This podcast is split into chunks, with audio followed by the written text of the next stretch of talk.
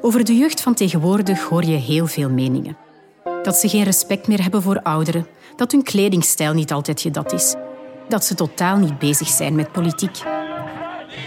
Over hun respect en hun spaak qua kleding ga ik me niet uitlaten, maar over hun politiek engagement kan ik wel een en ander vertellen. Want dat zit misschien toch niet zo scheef als sommigen denken. Waarom zijn jongeren niet politiek geëngageerd? Vanuit het Vlaams parlement is dit de Universiteit van Vlaanderen. Denk eens terug aan toen je veertien was.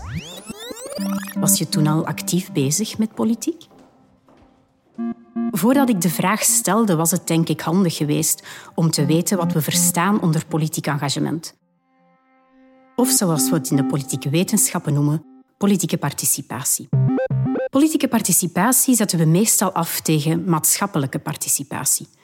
Onder maatschappelijke participatie verstaan we zaken zoals het doen van vrijwilligerswerk of gewoon anderen helpen. Bijvoorbeeld inkopen doen voor mensen die aan quarantaine moeten of geld geven aan goede doelen, zoals het Rode Kruis. Al deze zaken zijn belangrijk voor het sociaal weefsel en ook voor de democratie. Politieke participatie onderscheidt zich hiervan omdat het werkelijk gericht is op het beïnvloeden van de politiek, haar instellingen en haar vertegenwoordigers. Dit kan volgens de wetenschappelijke literatuur op twee manieren. De manier waaraan iedereen hier daarnet dacht toen ik mijn vraag stelde, denk ik. Gaan stemmen, lid worden van een politieke partij. Join us. Word dan gewoon lid. Om van ons land het beste land ter wereld te maken. En ook gewoon omdat het een plezante bende is. En mannen, wij zijn een plezante bende, hè?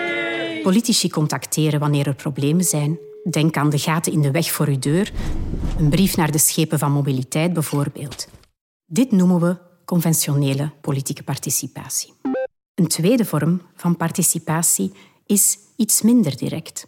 Dit kan via bijvoorbeeld het tekenen van een petitie, het voeren van actie tegen de coronamaatregelen of het protesteren tegen het klimaatbeleid van de regering. Denk aan alles ook wat we gezien hebben rond Youth for Climate. Maar bijvoorbeeld ook bepaalde producten kopen. Bijvoorbeeld heel bewust kiezen om fairtrade producten te kopen. Of het niet bewust kopen van kleding die door kinderen wordt gemaakt. Dit noemen we niet-conventionele participatie. Waarom is het nu interessant om naar politieke participatie te kijken bij jonge mensen? Want jonge mensen zijn toch niet zo conventioneel participatief. Ze kunnen niet eens gaan stemmen op hun 14 jaar. Daar hebben we toch twee redenen voor. Ten eerste, en dat is een open deur intrappen, omdat jongeren de actieve burgers van morgen zijn. Wanneer ze niet of veel minder politiek participeren dan hun ouders, zal dat niet bevorderlijk zijn voor de democratie. Wanneer bij het afschaffen van de opkomstplicht voor de gemeenteraadsverkiezingen veel minder 18-jarigen gaan stemmen, gaan ze zich misschien ook minder kunnen vinden in het lokaal beleid, met alle gevolgen van dien. Ten tweede, en dat verliezen we echter vaak uit het oog, ontwikkelt politiek gedrag zich niet als we volwassen zijn, maar het ontwikkelt zich in de adolescentie tussen 14 en 25 jaar. En die ontwikkeling is natuurlijk super interessant. En het is exact naar die ontwikkeling dat we met ons team onderzoek doen. Hoe onderzoeken we dit nu? We observeren jongeren zeker niet vanuit onze ivoren toren. We onderzoeken dit door jongeren vragen voor te leggen over hun politiek engagement via bijvoorbeeld vragenlijsten. Wij vragen dus hoe sterk ze bezig zijn of in de toekomst zullen zijn met politiek. We proberen zowel naar hun conventionele als naar hun niet-conventionele participatie te vragen.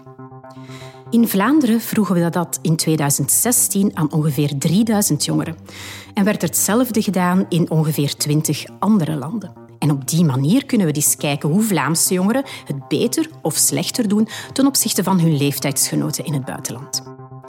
We vroegen hem bijvoorbeeld: wat denk je dat je zelf zal doen als je volwassen bent? Zou je gaan stemmen bij gemeenteraadsverkiezingen of federale verkiezingen? Zou je informatie over de kandidaten opzoeken voordat je gaat stemmen? Of meer naar die conventionele participatie in de toekomst? Zou je een kandidaat helpen tijdens een verkiezingscampagne? Zou je lid worden van een politieke partij of van een vakbond? Zou je jezelf kandidaat stellen voor de gemeenteraadsverkiezingen? Om ook naar dat niet-conventionele te peilen en dat te bevragen, vroegen we ook naar hun politiek engagement op school. Heb je op school meebeslist over bepaalde zaken? Heb je bijvoorbeeld deelgenomen aan een activiteit om de school milieuvriendelijker te maken? Heb je deelgenomen aan een discussie tijdens een leerlingenbijeenkomst of gestemd voor een leerlingenraad? En wat leert ons die bevraging nu? Al die drie parameters scoren Vlaamse jongeren laag tot zeer laag. Op hun intentie om te gaan participeren in verkiezingen in de toekomst bijvoorbeeld, scoren ze het derde laagst van alle deelnemende landen. En op hun politieke participatie, het lid worden van een partij, het lid worden van de vakbond, staan ze zelf op de laatste plaats. Als we kijken naar het meer niet-conventionele, hun participatie op school, zien we net hetzelfde. De derde laatste plaats van 23 deelnemende landen. Waarom scoren Vlaamse jongeren nu zo laag? Daar zien wij twee mogelijke redenen voor. En een eerste reden is, we zijn er gewoon met z'n allen te weinig mee bezig. We kunnen niet verwachten van jongeren dat ze het helemaal alleen doen. Om jonge mensen warm te maken voor politiek engagement heb je hun omgeving nodig. In die omgeving zitten actoren, wij noemen ze met een moeilijk woord socialisatieagenten, die hen kunnen ondersteunen in die politieke ontwikkeling.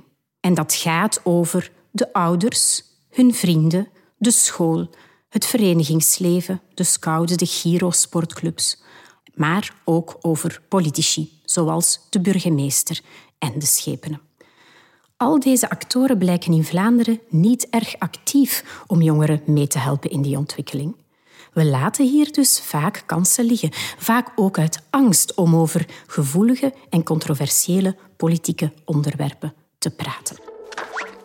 Aan de ontbijttafel, wanneer er s morgens de krant wordt gelezen of naar het nieuws wordt geluisterd, kunnen ouders een grote rol spelen door over dat nieuws in gesprek te gaan.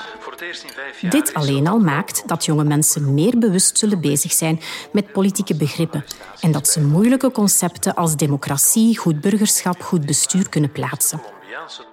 Dat zijn al twee belangrijke stappen in de politieke ontwikkeling. Zaken als politieke elementen herkennen en kennen en daar ook conceptueel mee aan de slag kunnen gaan. Ook met vrienden kan er gepraat worden over politiek. Neem nu over de coronamaatregelen specifiek voor de jeugd. Zo'n gesprekken alleen kunnen een stap zijn naar meer participatie in de toekomst. Maar ook verenigingen hebben hier een rol te spelen. Waarom laten we de afspraken met betrekking tot de zomerkampen in de covid-crisis vooral door volwassenen maken, terwijl minderjarigen zich mooi aan die regels zullen moeten houden? Het is voor een hoofdleiding waarschijnlijk veel interessanter om eens af te checken wat de leden ervan vinden om voor de meest haalbare optie te gaan. Een socialisatieagent die we zeker niet mogen vergeten in dit hele plaatje is de school. In de lessen mens aan maatschappij, oriëntatie op de wereld en geschiedenis krijgen leerlingen normaal wel heel wat informatie mee. Maar het is niet omdat je politieke begrippen kent dat je ook weet hoe je tot actie moet overgaan of dat je daar een bepaald gevoel bij hebt. Een goed voorbeeld van hoe het beter kan, kom ik vaak tegen bij mijn kinderen. Op school, zeker nu met de strengere regels, kijken ze elke dag terwijl ze hun boterhammen opeten naar karrewiet. Een schat van informatie over politiek, maar ik heb al gemerkt dat kinderen na zo'n journaal met heel veel vragen zitten. Vragen die niet altijd gemakkelijk zijn, maar die wel fundamenteel zijn om ervoor te zorgen dat ze later weten hoe ze kunnen participeren en dat misschien ook wel gaan doen. Black Lives Matter. Die slogan horen en zien we al dagen. Maar wat betekent dat nu eigenlijk? Black Lives Matter is ontstaan in 2013. Een blanke bewaker schiet Traven Martin dood, een zwarte, ongewapende 17-jarige jongen. De bewaker wordt niet gestraft. Het gesprek met mijn zoon ging heel concreet over de Black Lives Matter-beweging. Hij was helemaal in shock omdat een politieagent, iemand die hij daarvoor altijd zag als iemand die mensen helpt, een persoon had gedood mede omdat hij zwart was. Hiermee had hij eigenlijk al twee fases van die vroege politieke bewustwording doorlopen. Hij was er zich bewust van dat een politieagent een deel is van ons politiek systeem en hij koppelde aan de onrechtvaardige actie van die agent een negatief gevoel. Zo handel je niet in een democratie. De stap die hij niet echt had gezet was hoe je er tegen kan reageren en hoe zo'n protestactie eigenlijk werkt. Na ons gesprek wist hij dat wel en zou hij op zich ook voor zichzelf kunnen beslissen om mee te lopen in zo'n betoging. Dit is het land van elke Belgische migrantenjongen. Na dit gesprek was ik blij dat we dat moment hadden gehad. Maar vroeg ik me ook af hoeveel andere kinderen nu thuis met angst zaten en daar geen kadering bij kregen.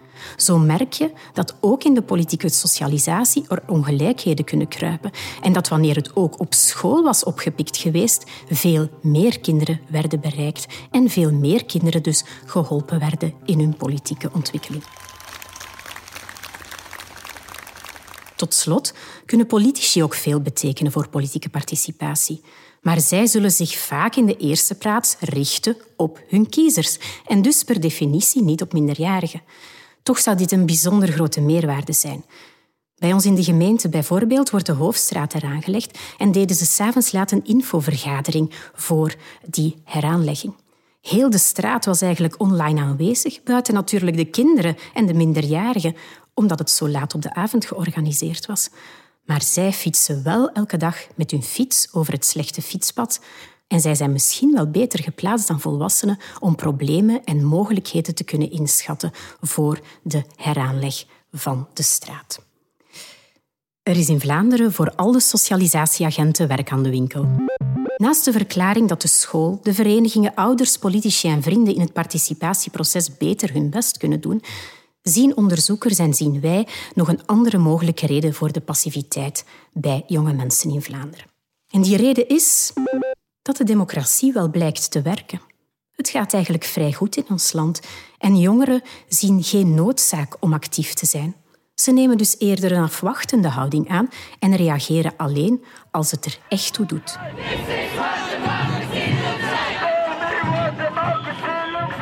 Die reden zegt een beetje dat jonge mensen pas actie zullen ondernemen als er zaken echt fout lopen die hen aanbelangen. Ze kunnen dus wel participeren, maar ze doen het niet zolang alles goed loopt. En dat is misschien zo waarom sommige Amerikaanse landen het zo goed doen in de resultaten die ik daarnet besproken heb voor Vlaanderen. Daar verlopen sommige zaken veel minder democratisch en is er dus meer reden voor jonge mensen om van zich te laten horen. It's the injustice in this country, the lack of opportunity for many young Colombians.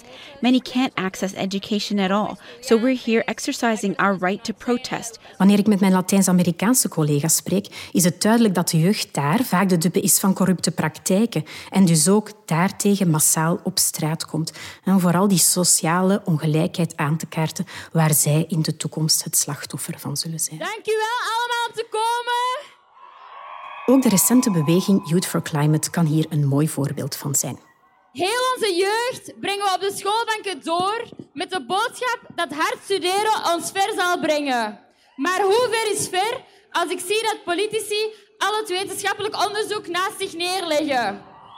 Een bepaalde groep jonge mensen richt zich direct tot het beleid omdat hun toekomst op het spel staat wanneer er niet meer aandacht besteed wordt aan het klimaat. Sommigen van ons die op donderdag komen, waarvoor dank trouwens, hebben nog geen stemrecht. Maar zo laten onze stem wel horen.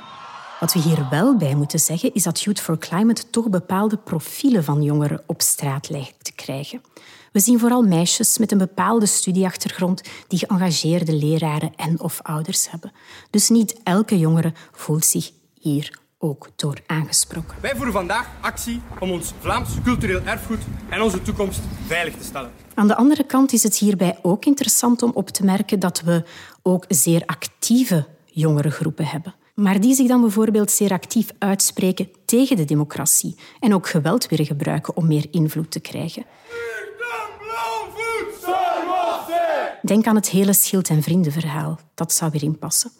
Op zich participeren zij net heel veel. Gelukkig is dat natuurlijk geen meerderheid van de jeugd. Maar natuurlijk hopen we dat de meerderheid, als het erop aankomt, ook weet hoe ze de democratie en haar instellingen kunnen verdedigen. Dus, waarom zijn jongeren niet geïnteresseerd in politiek? Jullie weten nu dat jongeren in Vlaanderen weinig aan politieke participatie doen. Zeker wanneer we dit vergelijken met andere landen. Maar nog belangrijker, weten jullie ook dat jonge mensen hier niet alleen voor verantwoordelijk zijn, maar we hier met z'n allen aan de slag moeten. Ik zou zeggen, Wanneer u straks of morgen de kans ziet om in gesprek te gaan over politiek met de minderjarigen, laat die kans dan niet liggen. Want hopelijk zien wij dan in ons vervolgonderzoek een klein Universiteit van Vlaanderen effect.